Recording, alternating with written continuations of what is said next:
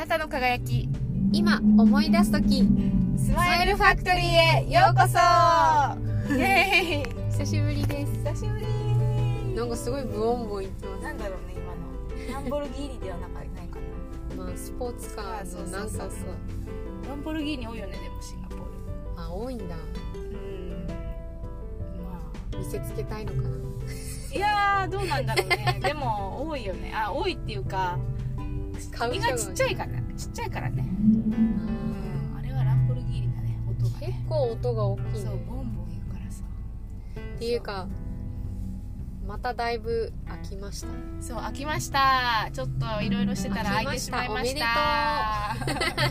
そう5月になってしまいました。早いな。ねえ。なんかさ気づいたら2022年2022年半分いっちゃうよね。超特急レベルですね。そうそうそうそう。最近どんな感じ？最近はそうそうだからここ1ヶ月ぐらいなんかいろいろあのなんかそうそうまま回り始めたじゃないけどやろうと思ったことを決めてやろうとやろやろうと思っていろいろやってたらはい。気づいたらあのなんか忙しくっていうか私もともとそんな予定つも詰め込まないタイプだけど、うんうん。そうそう。なんかそのゆっくりする時間とかを兼ね合わせてたらうん。うんなんか割と忙しい感じになってたね。あそう。そんな感じ。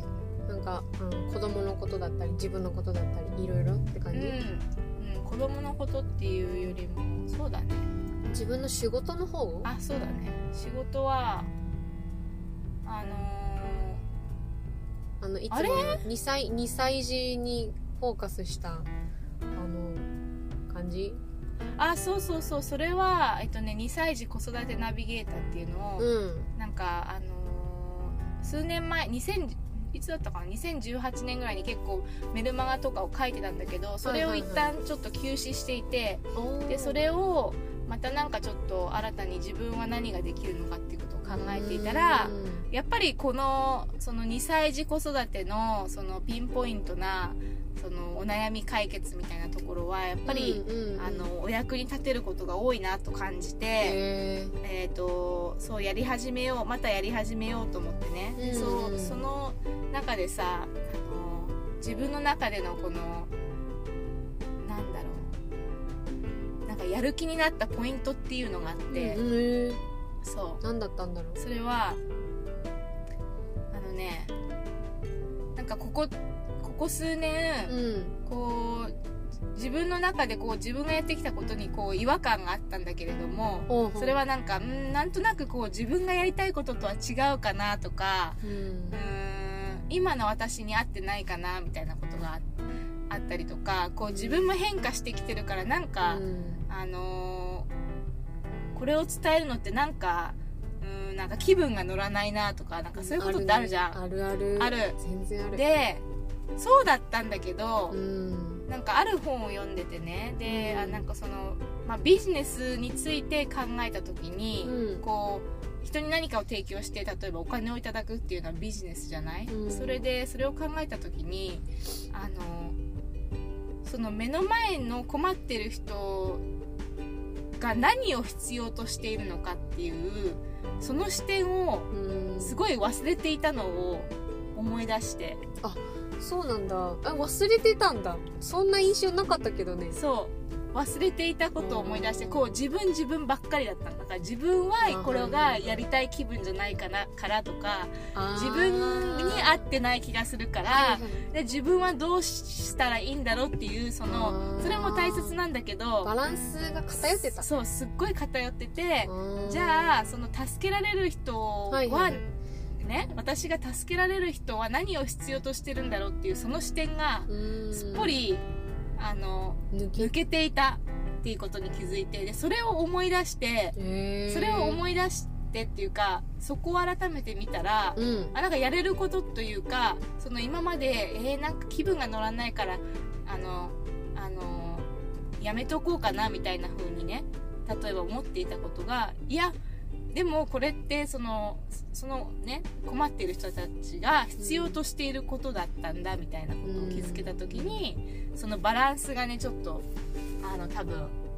中立中和されて、ニュートラルに。そうニュートラルになってそこでやる気が発生したっていうのがある。へそうで偏るってやっぱりあの要はバランス崩れるっていうことであ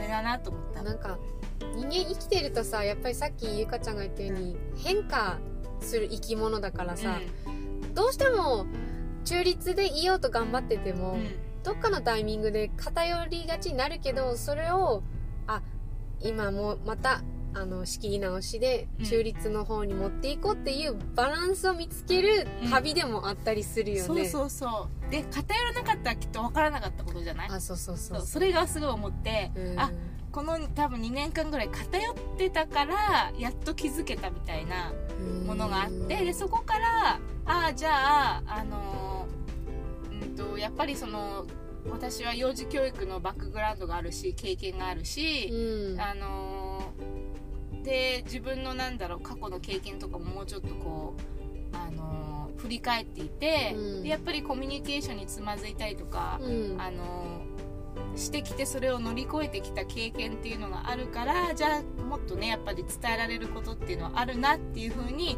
改めて思ってで改めて何かしようっていうあの気になった。なんかその自分探しじゃないけどさ、うんうん。その自分には何が合ってるんだろうっていう、うんうん。そのえっ、と片方の自分ばっかりの視点にとらわれているとわかるわ。やっぱりダメうん。ダメだったんじゃなダメだったっていうよりも、まあね。そのうん。バランスが取れずに結局、うんうんうん。うんその人のお役に立てないというか、そうだよね。だってビジネスも他者が喜んでくれるからうん。需要と供給が成立するでもうビジネスになる。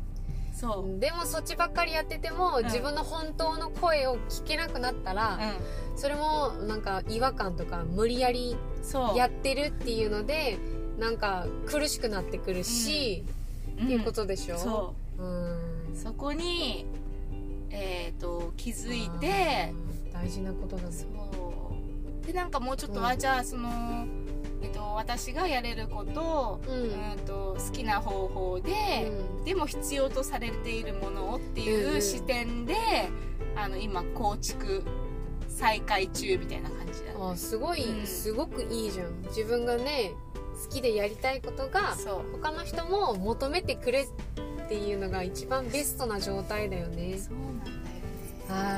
それがなんかこの1ヶ月ぐらいでこうバババババッとこうあのピースがパズルのピースがこうあのすっごいゆっくりやったのが急にはまっていくような感じがあってあそうなんだ。でそれでなんかいろいろね作り込んだりとかして。なるほどね。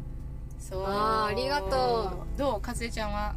風ちゃんはじゃあ次の回にあ話しましょうか。じゃあね。はいじゃあね。バイバイ